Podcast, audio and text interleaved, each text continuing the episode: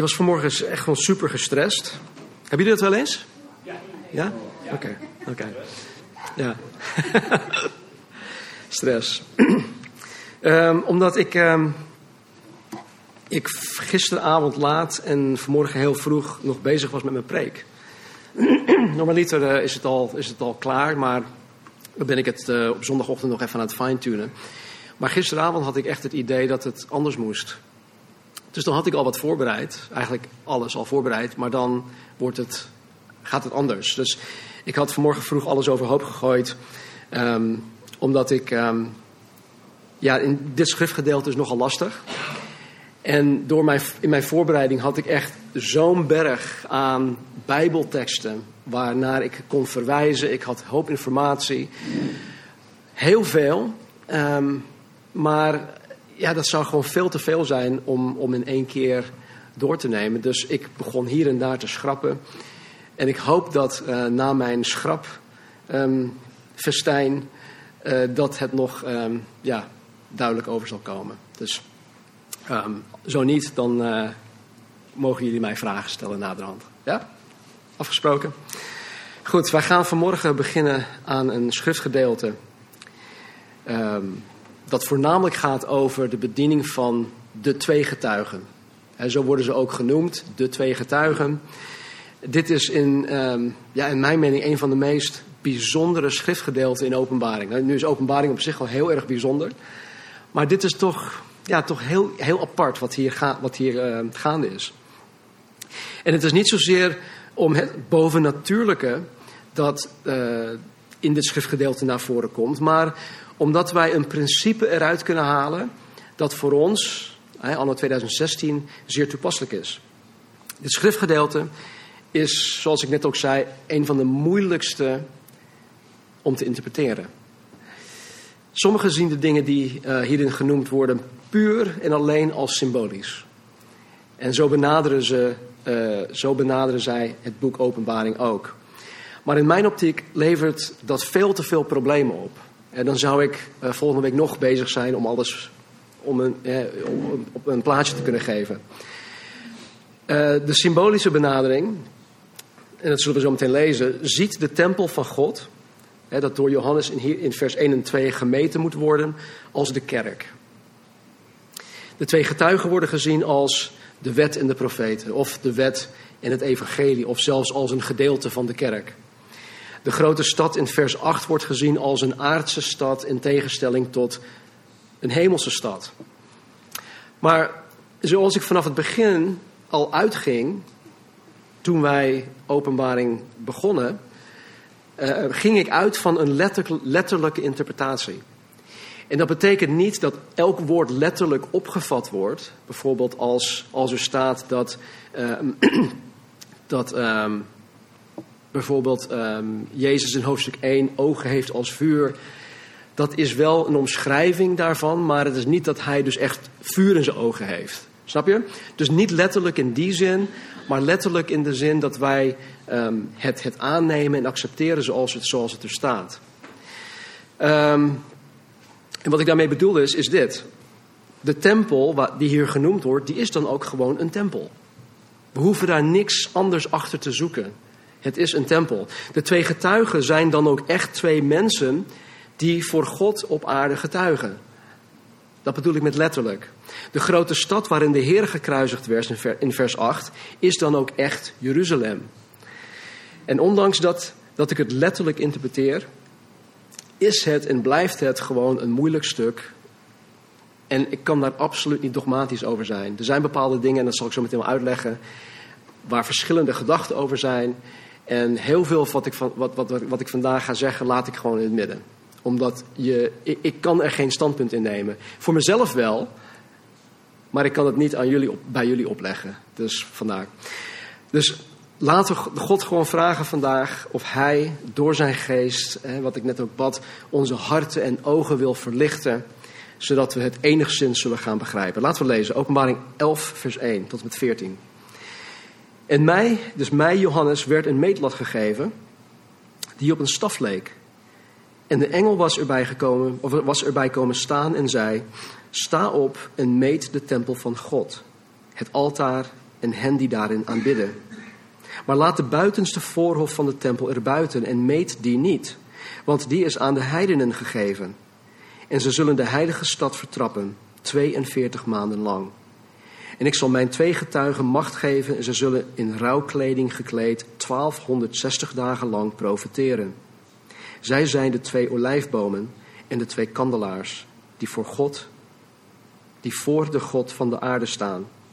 En als iemand hun schade wil toebrengen, komt er vuur uit hun mond en dat verslindt hun vijanden. En als iemand hun schade wil toebrengen, moet hij op dezelfde manier gedood worden. Ze hebben macht de hemel te sluiten, zodat er geen regen zal vallen in de dagen dat zij profiteren. En ze hebben macht over de wateren om die in bloed te veranderen.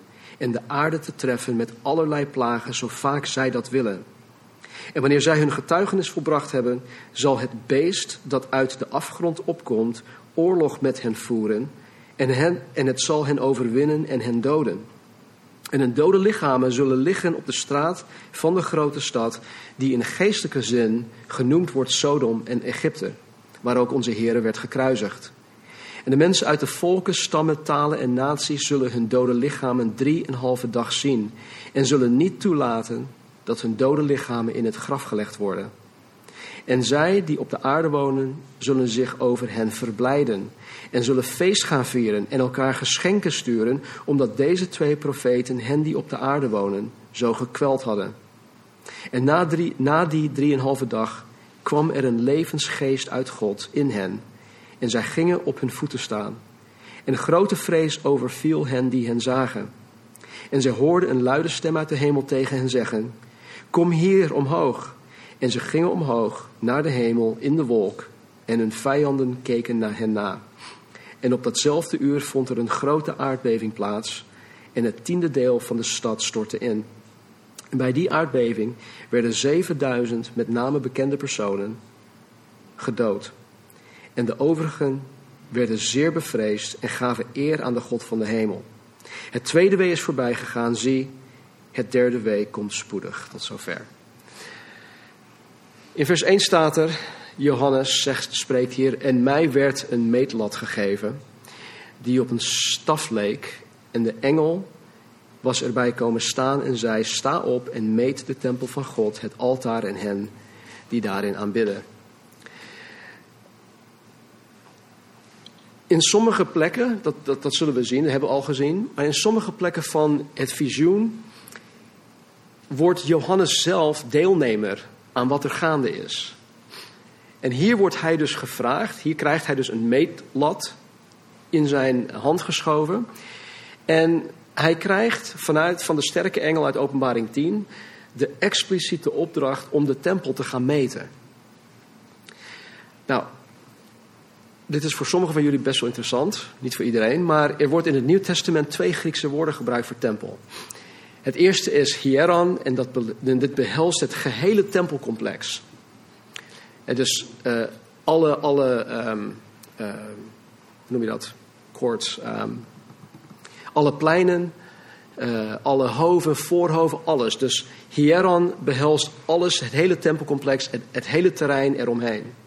Het tweede is naos, en dit spreekt specifiek over het, het klein gedeelte waar alleen de priesters toegelaten worden, namelijk het heiligdom en het heilig der heiligen. Waarin het brandofferaltaar staat en dan ook de, uh, het heilige der heiligen, waar um, uh, de ark des verbonds in de eerste tempel stond, maar niet in deze tweede en ook niet in de derde. Maar daar kom ik straks op terug. Dus Johannes krijgt hier de opdracht om alleen het naos te meten. Dus alleen de plek waarin de aanbidding van God plaatsvindt. En ook krijgt Johannes de opdracht om de aanbidders zelf te meten. Nou, het meten was niet om de afmetingen van de tempel, van de tempel zelf in kaart te brengen. Want we krijgen, we krijgen hier zelfs geen afmetingen. Maar het was bedoeld om Gods eigendomsrecht en zijn bescherming aan te kunnen geven. En uh, we zien hiervan verschillende voorbeelden, zowel in het Oude Testament als, als ook in het Nieuw Testament. In het Oude Testament, in Zacharie bijvoorbeeld, krijgt de profeet in een visioen te zien dat een engel de stad Jeruzalem ging opmeten. Dat staat in Zacharie hoofdstuk 2. En na het opmeten van de stad Jeruzalem zei de engel dat de stad niet ommuurd zou zijn, omdat de stad anders te klein zou worden voor alle inwoners. Er staat vervolgens in Zacharia 2, vers 5 dit. Dit is uit de Bijbel gewone taal. De Heer zal zelf een muur om de stad zijn. Een muur van vuur die de stad beschermt. Hij zal in de stad wonen als een stralend licht. Dat heeft God zelf gezegd. Dus in, in dit voorbeeld wordt de stad gemeten. En het wordt gemeten om aan te geven dat dit Gods eigendom is. En hij zelf zal daar deze stad beschermen. In Openbaring 21, dus aan het einde, wanneer het, de nieuwe hemel en nieuwe aarde naar beneden komen, wanneer het nieuw Jeruzalem ook naar de aarde toe komt, zien wij dat een engel het nieuw Jeruzalem opmeet. En ook daar is dan sprake van eigendomsrecht. Nou, dus het, het meten van de tempel, het, het naos, dat, dat klein gedeelte, en de aanbidders geeft hier aan dat de Joden die tijdens de grote verdrukking tot geloof gaan komen, dat God hen zal toe-eigenen als de zijne. Zij en de tempel zijn Gods eigendom en Hij zal hun persoonlijk beschermen um, in tegenstelling tot de heidenen uh, die dus onder zijn um, toorn blijven komen te staan. Dus Hij zal dit select groepje Joden blijven beschermen. En dat, dat zullen we later in, in, het boek ook zien. Maar, zegt uh, de engel tegen Johannes: Laat de buitenste voorhof in vers 2 van de tempel erbuiten en meet die niet, want die is aan de heidenen gegeven. En zij zullen de heilige stad vertrappen 42 maanden lang. Nou, in het tempelcomplex, uh, tempel van Herodes bijvoorbeeld, waren er verschillende voorhoven waarin verschillende klassen mensen mochten komen. Als niet-Jood, bijvoorbeeld de, um, de minister van Financiën uit um, Ethiopië, die in Handelingen 8 uh, terugging uit Jeruzalem. Hij mocht alleen in, de, uh, in het voorhof van de heidenen komen, want hij was geen Jood. En um, er was ook een voorhof voor vrouwen waarin, alleen, uh, waarin de vrouwen mochten komen. Vrouwen mochten niet overal op het tempelcomplex komen. En niet-Joden mochten niet zomaar op, op, die, op die andere plekken komen. Het was zelfs zo dat als een, een niet-Jood op andere plekken terechtkwamen, als zij daar naartoe gingen, dat het, um, dat het hun leven zou kunnen kosten.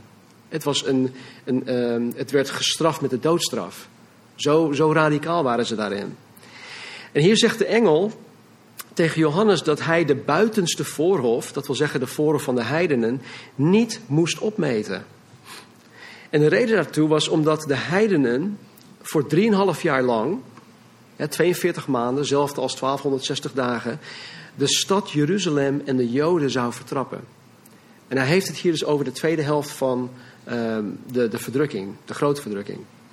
Met andere woorden, om, omdat deze heidenen de Joden zullen vertrappen en omdat ze uiteindelijk Jezus Christus zullen blijven verwerpen, houdt God hun op dit moment in deze meting buiten beschouwing. God zal niet hun God zijn. En hij zal hun niet bewaren tegen zijn oordeel. Nou, wat nu het meest interessante hierin is. Ik heb zoveel geschrapt in dit gedeelte. Maar wat het meest interessante hierin is. Is dat Johannes in de toekomst een tempel in Jeruzalem ziet. Even vragen: is er momenteel een tempel in Jeruzalem? Nee. Oké. Het is momenteel zelfs onmogelijk om de tempel in Jeruzalem te herbouwen, omdat de Jordaanse islamitische autoriteit de tempelberg in haar beheer heeft.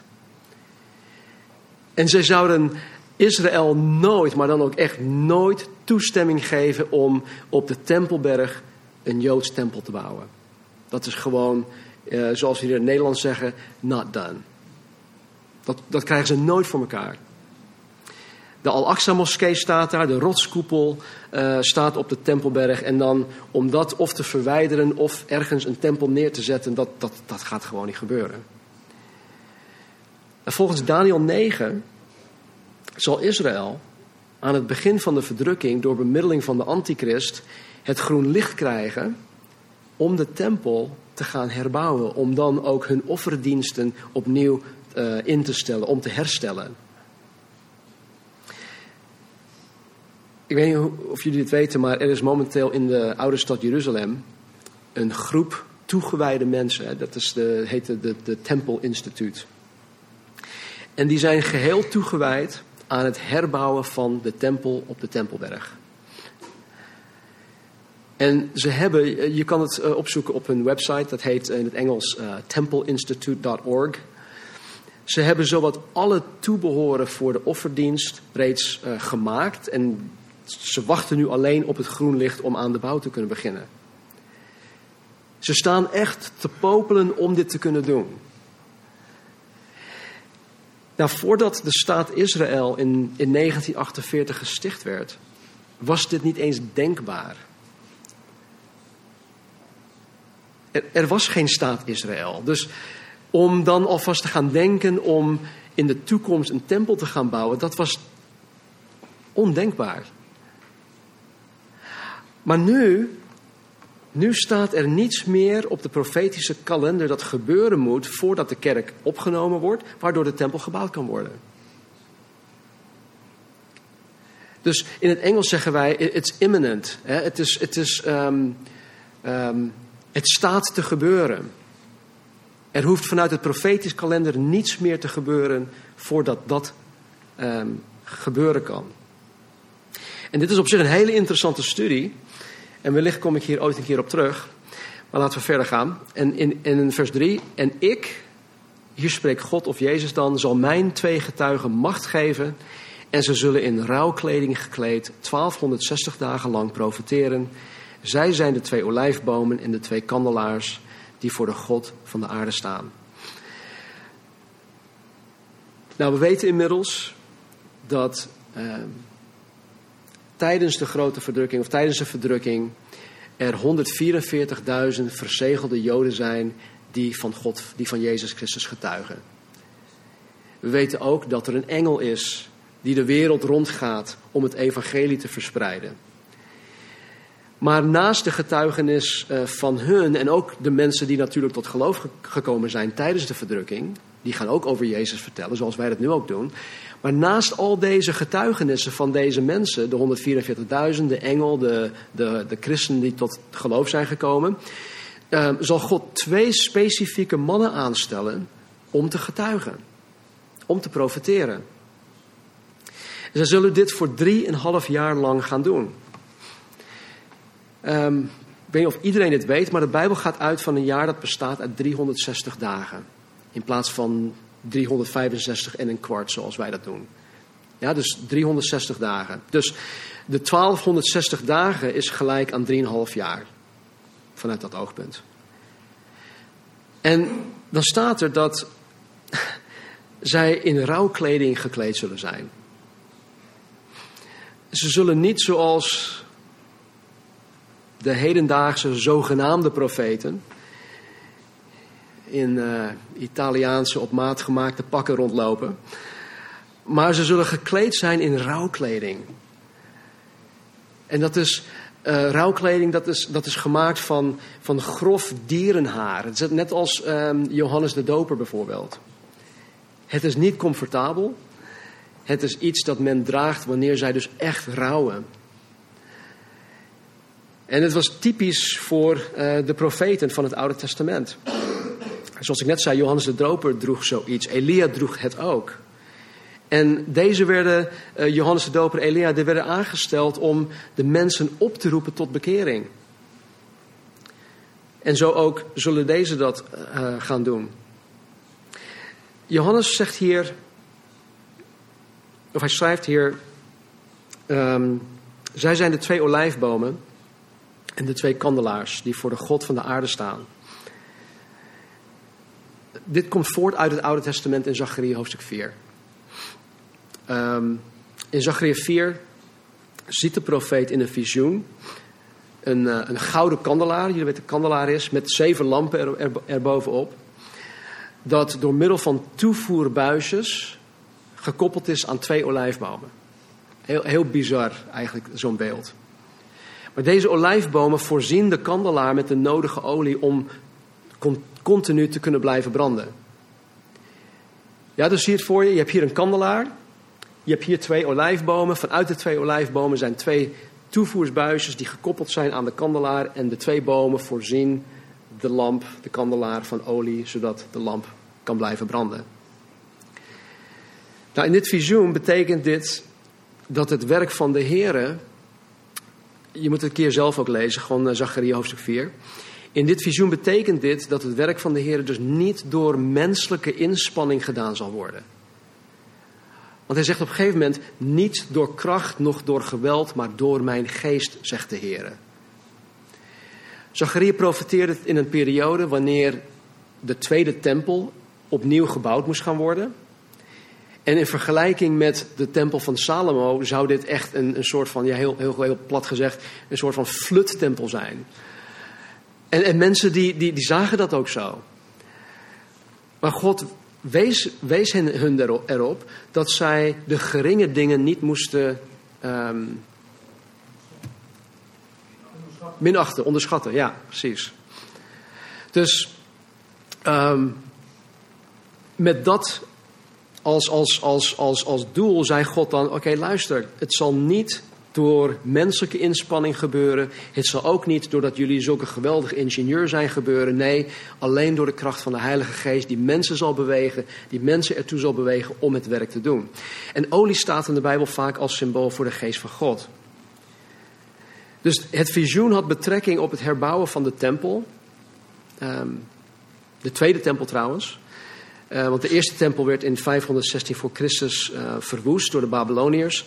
En, en God liet hier aan Zacharia zien dat ondanks het menselijk gezien op dat moment gewoon onmogelijk leek om de tempel te herbouwen, dat God door middel van zijn geest de mensen de kracht zou geven, de mensen het, de, skills de, de, uh, zou geven om de tempel te kunnen herbouwen. En zo geeft God hier in Openbaring 11 dus ook weer aan dat deze twee getuigen hun taak op aarde zullen gaan vervullen doordat God hun door middel van de Heilige Geest de macht, de kracht en de bescherming zal gaan geven. Je moet je voorstellen, en dat kunnen wij absoluut niet, maar probeer het maar. We zitten in de grote verdrukking. Er gebeurt van alles om ons heen, alles wat wij uh, tot nu toe hebben gelezen. De helft van de wereldbevolking is inmiddels gedood. De antichrist en, en, en, en het beest, en, en, en die gaan helemaal tekeer tegen iedereen die dus maar, um, uh, waarvan ze denken dat men in Christus gelooft. Dat lijkt menselijk onmogelijk om dan nog te gaan getuigen. Want je bent op de vlucht. De Joden die zijn op de vlucht op dat moment. De Joden die zijn naar, naar de bergen toe gegaan, die zijn op de vlucht. God bewaart hun, beschermt hun. Dus het, is een, het zijn omstandigheden waar het gewoon onmogelijk lijkt om getuigen te kunnen zijn.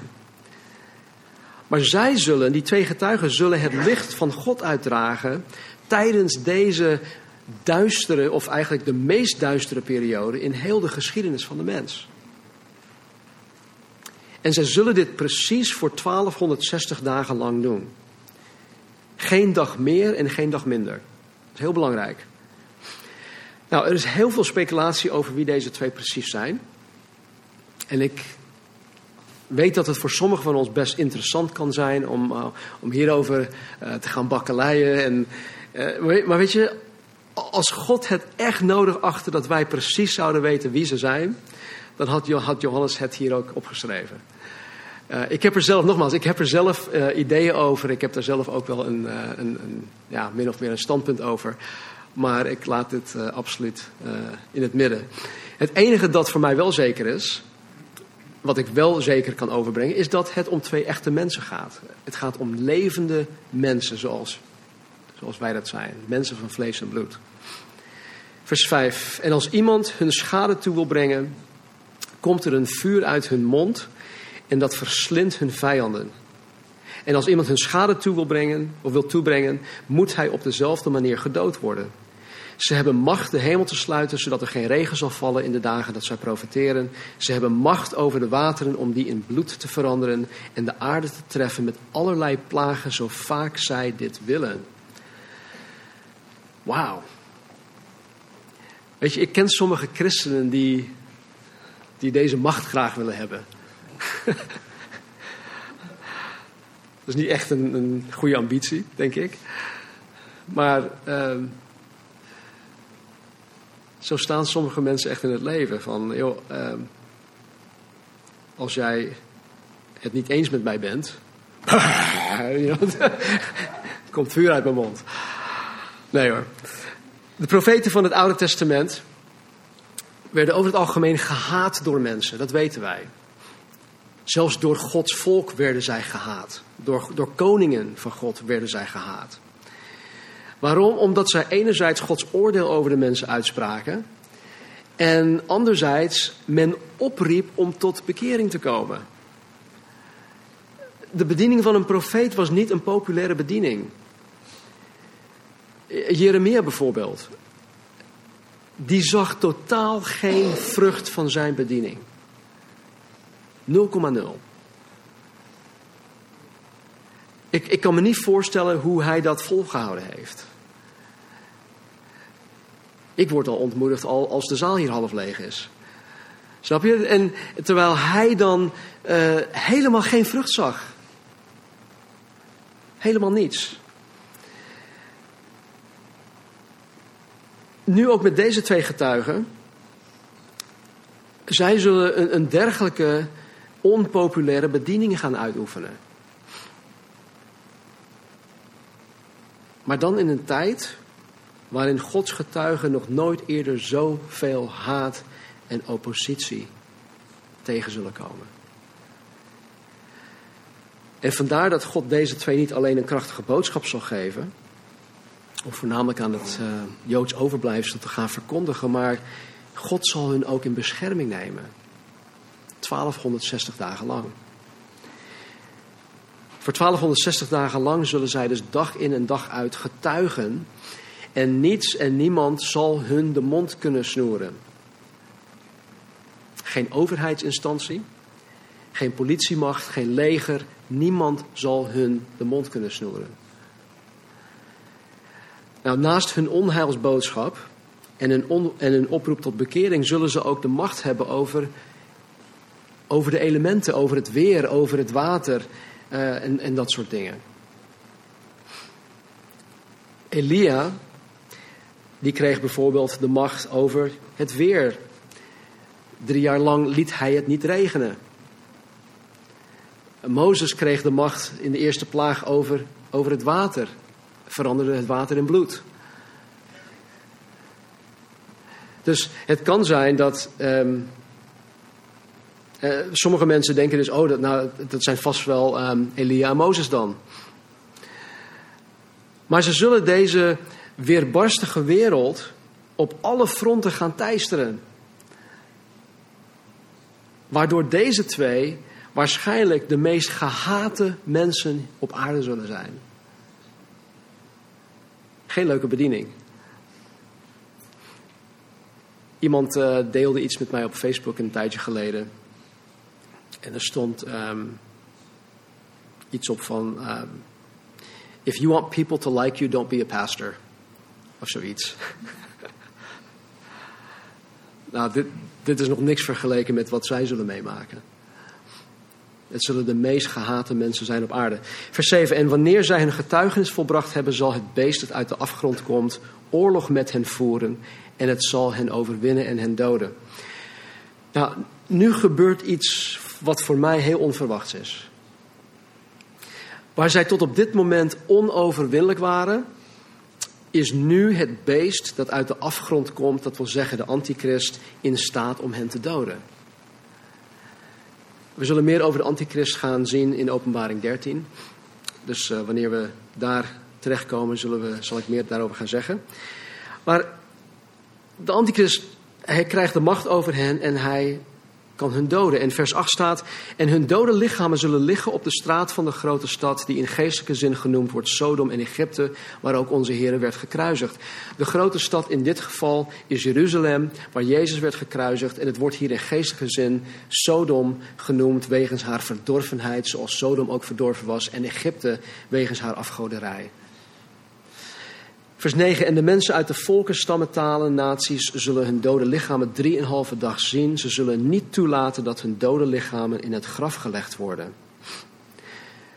De hele wereld, de hele wereld zal hun dode lichamen voor drieënhalve dag zien.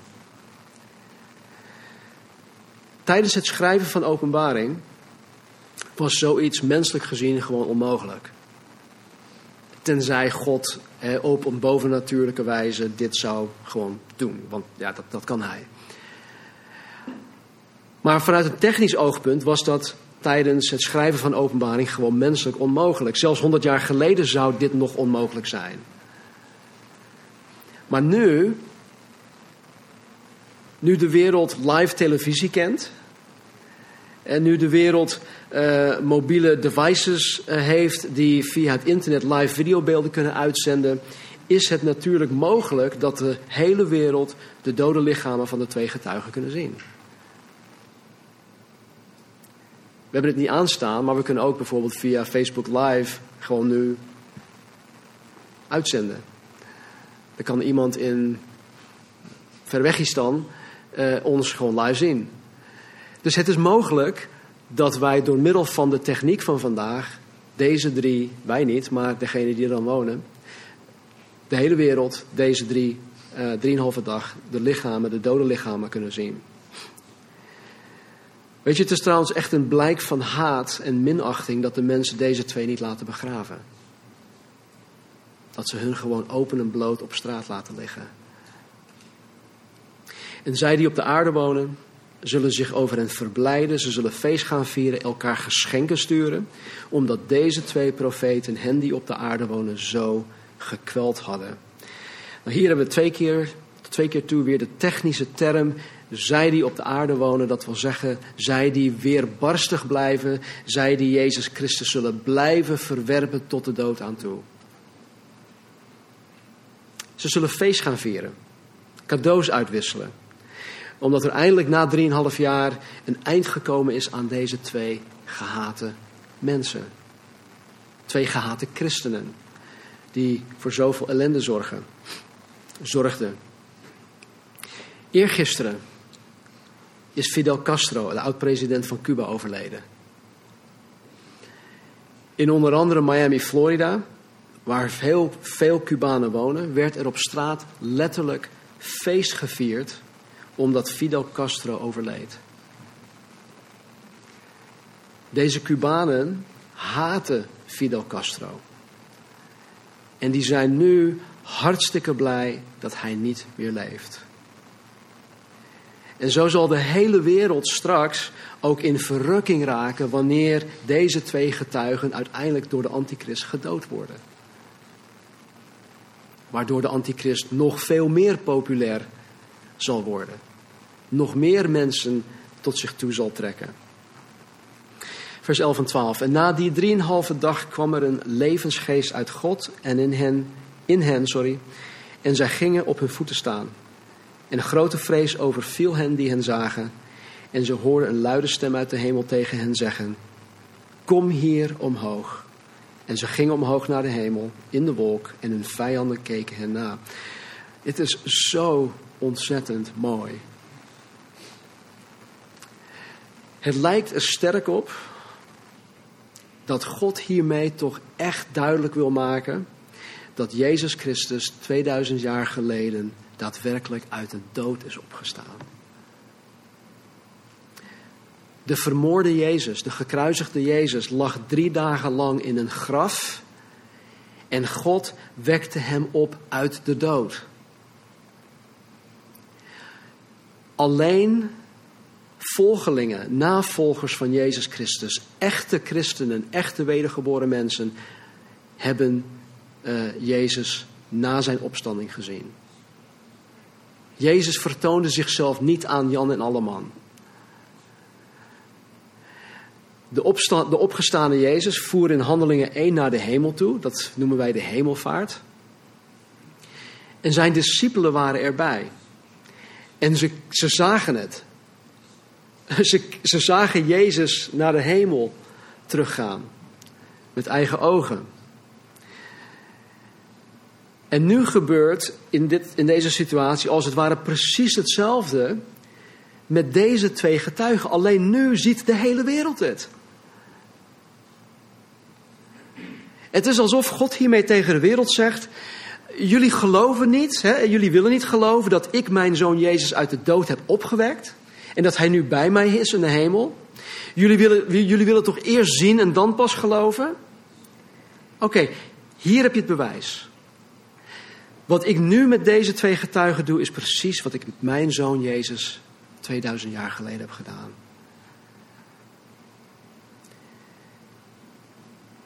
God die is zo ontzettend genadig. En wij zien keer op keer in openbaring de genade van God terugkomen. Ja, aan de ene kant stort hij zijn oordeel uit over de weerbarstige aarde, de wereld.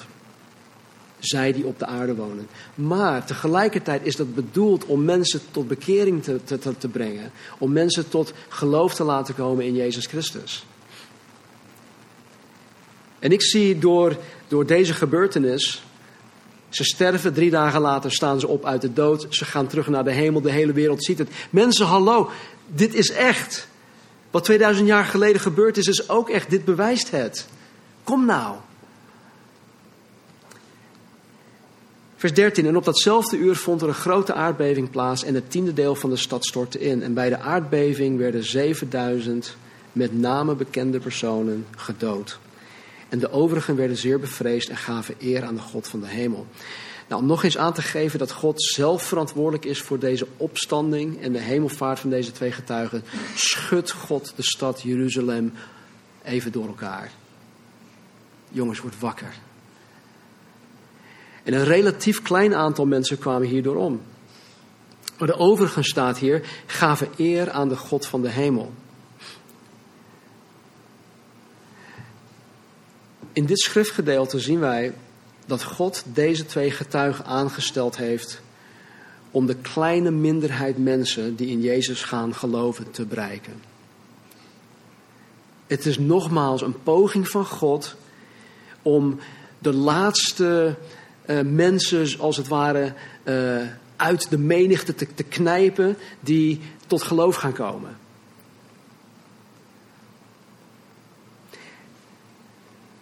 Nou, omdat de Bijbel er niets over zegt, weten wij niet hoeveel mensen tot geloof in Jezus zijn gekomen door hun getuigenis.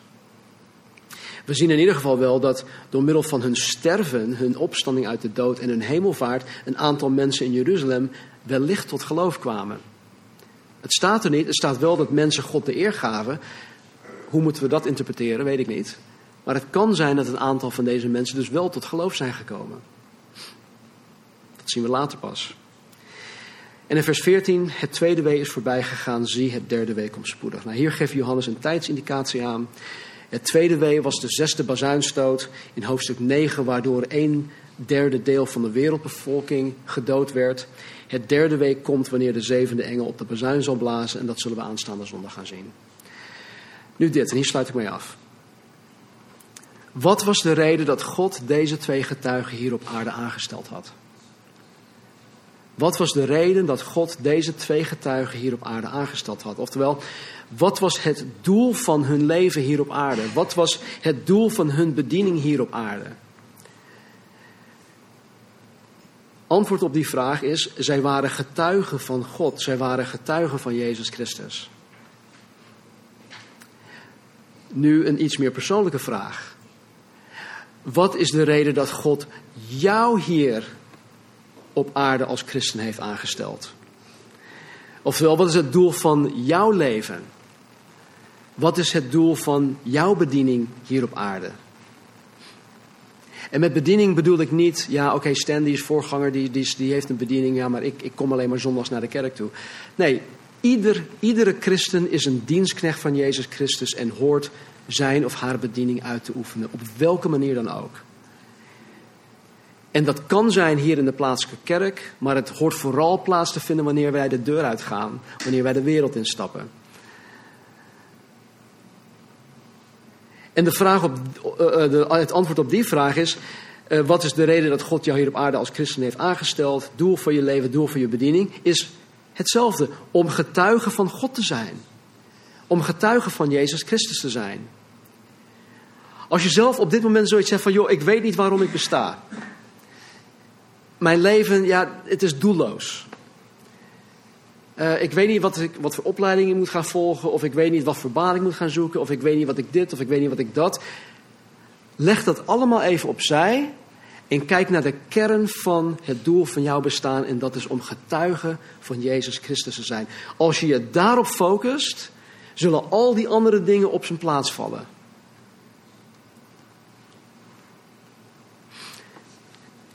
In de momenten voordat Jezus naar de hemel terugging, in Handelingen 1, zei Jezus tegen zijn discipelen dat zij niet uit Jeruzalem moesten vertrekken. Ze blijf in Jeruzalem. Want zij, zij woonden niet in Jeruzalem, zij woonden in, in Galilea. Veel verderop, ten noorden van Jeruzalem. Dus hij zei tegen hen: Blijf in Jeruzalem. Blijf in Jeruzalem totdat je de belofte van God de Vader hebt ontvangen. Zij mochten dus van Jezus niets anders gaan doen of ondernemen totdat zij de belofte, dat wil zeggen de doop met de Heilige Geest, hadden ontvangen. In Handelingen 8, 1 vers 8 staat dit. Jezus spreekt hier. Hij zegt, u zult de kracht van de Heilige Geest ontvangen die over u komen zal. En dat over u komen zal, dat betekent, het zal je overspoelen. En u zult mijn getuigen zijn. Zowel in Jeruzalem als in heel Judea, Samaria en tot aan het uiterste van de aarde. De reden dat God zijn discipelen hier op aarde als christenen heeft aangesteld, is om deze ene reden. En dat is om zijn getuigen te zijn. En natuurlijk heeft dat uh, is, dat, is dat verweven in het vervullen van de grote opdracht. Het is verweven in het samen kerk zijn, in alle andere bedieningen en alle andere dingen. Maar nummer één is dat zij getuigen zijn. Vanaf het moment dat zij tot wedergeboorte kwamen en vervuld werden met de Heilige Geest, werden zij, uh, of werd het doel van hun leven om getuigen te zijn um, vervuld.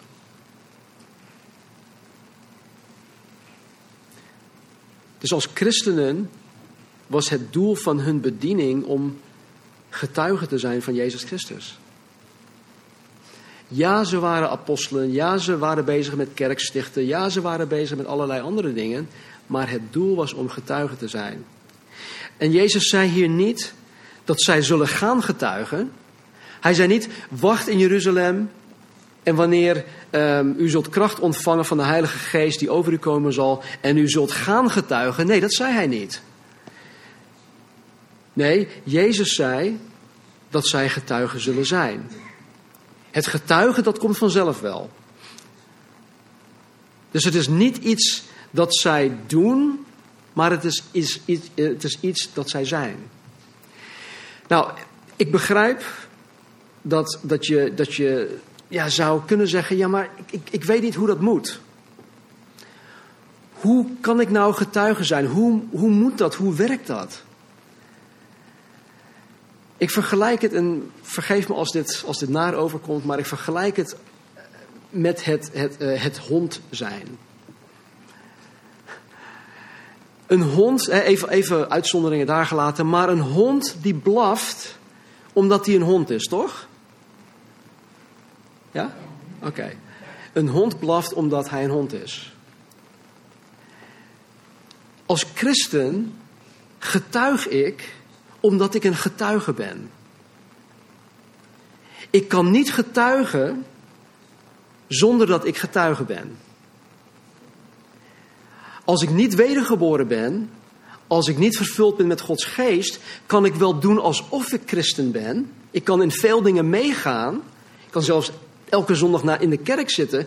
Maar Als ik de geest van God niet in mij heb, als ik niet overspoeld word met de, met de Heilige Geest, dan kan ik geen getuige zijn, dan kan ik ook niet getuigen.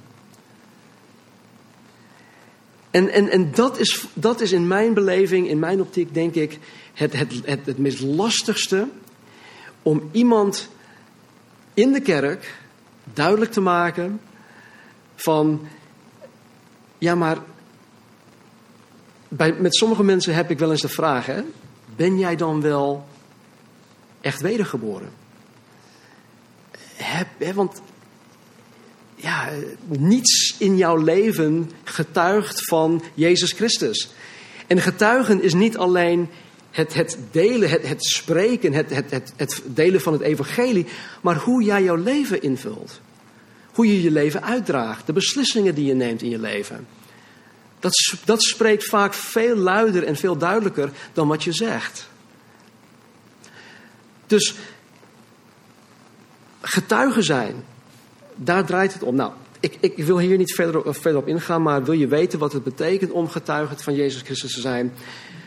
Ik heb in het verleden heel veel um, preken gegeven, studies gegeven waarin dit soort dingen verweven, verweven zijn. Uh, als je daar iets meer over wil weten, dan kan ik je doorverwijzen naar een, een reeks van die studies.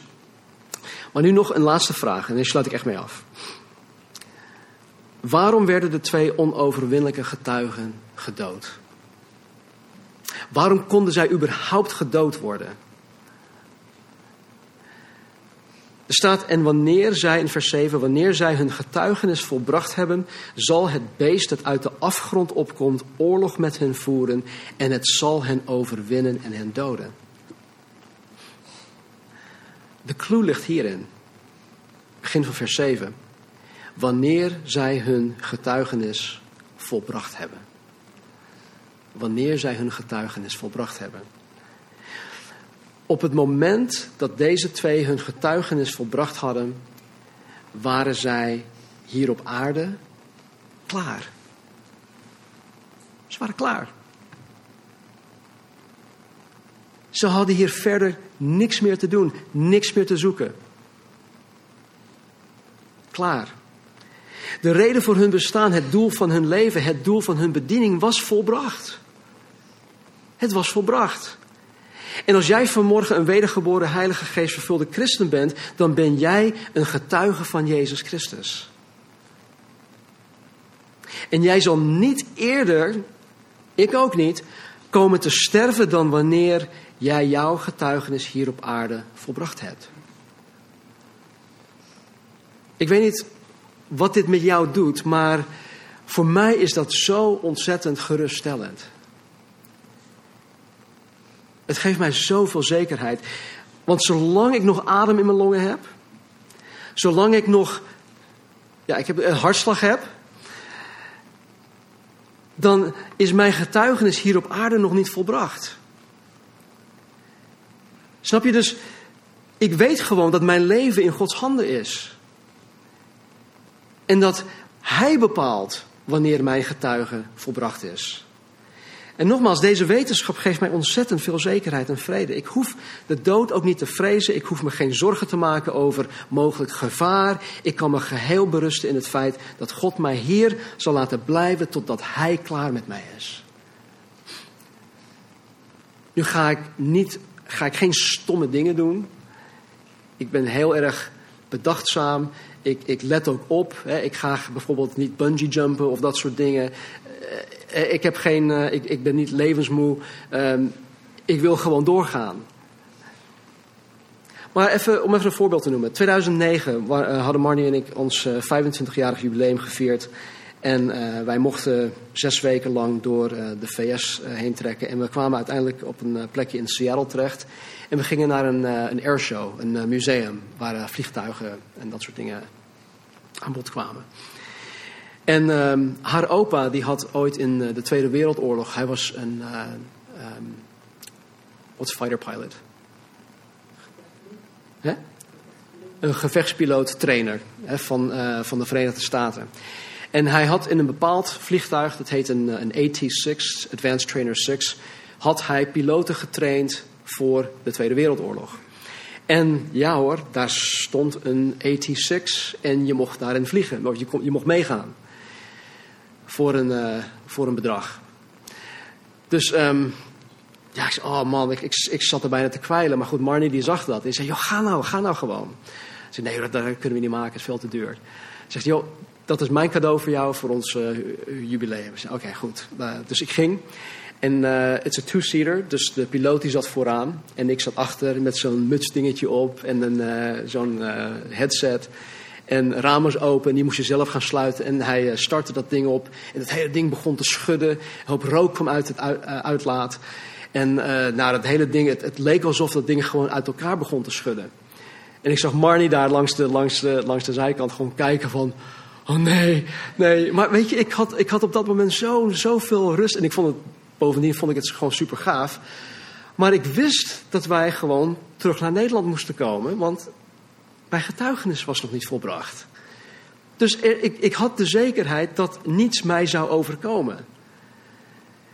En dat is wel een, een hele fijne manier om, om, om, ja, om, om zo door het leven te kunnen gaan. Dat je, dat je eigenlijk ja, dat je nergens bang voor hoeft te zijn. Want God bepaalt. Anyway. Um, ik laat het hierbij. En dan pakken we het volgende week op in vers 15. Het is wel heel, bijzonder, want het, het gaat om de zevende bazuin. Maar we zien niets. Um, we zien geen calamiteiten. En het sluit ook heel mooi aan bij het heilige avondmaal, wat we volgende week gaan behandelen. Lees alvast vooruit, hoofdstuk 11, vers 15 tot en met 19. Laten we bidden. Hemelse Vader, dank u wel dat u zo goed bent, dat u zo zorgvuldig uw woord hebt vastgelegd voor ons. Dank u wel voor Johannes en zijn geweldige getuigenis. Dank u wel voor de twee getuigen die u tijdens de, verdrukking zal aanstellen, heren, om zoveel mogelijk mensen naar uzelf toe te trekken. En heren, we bidden nu alvast. Heren, want we, we weten dat onze gebeden eeuwigheidswaarde hebben. Dus we bidden nu alvast, heren, voor deze twee getuigen, dat u uh, ze op, op zo'n manier zal gebruiken, heren, dat velen tot inkeer zullen gaan komen. Tot geloof zullen gaan komen in, in wie Jezus Christus is. En vader, voor onszelf, help ons. Doordring ons van het feit dat wij hier op aarde maar één doel hebben en dat is om getuige te zijn. Natuurlijk zijn er veel meer dingen die daaraan uh, gebonden zijn. Dat we bestaan om U te verheerlijken, dat wij doen, alles doen om U eer en glorie te brengen. Wanneer er geen van die dingen kunnen gebeuren, kunnen bestaan in ons leven als wij er niet van bewust zijn dat wij getuigen horen te zijn. Dus doordring ons, heren, van dat feit. Vervul ons met uw geest. Help ons om, zoals de, de discipelen in Handelingen 1 en 2 waren, om getuigen te zijn. Leer het ons. Scherp ons, heren. Help, help ons om ook om, om aan elkaar, heren, om hulp te vragen waar nodig. Want we zijn een lichaam, we zijn een, een plaatselijke kerk en dat horen wij te doen. Er zijn zoveel uh, Bijbelteksten in de brieven van Paulus waarin wij elkaar horen te bemoedigen, waarin wij elkaar horen uh, te scherpen. En, en um, ja, Heer, help ons om dat te doen. Help ons om onze trots af te leggen. Help ons om onze schroom af te leggen. Help ons om onze vrees, Heer, aan uw voeten neer te leggen. Schenk ons geloof. Schenk ons alles dat we nodig hebben, Heer, om in de komende dagen, de komende weken, de komende maanden, totdat u ons opneemt, Heer, geweldige getuigen te zijn van u. Dat bidden wij in Jezus' naam. Amen. Amen.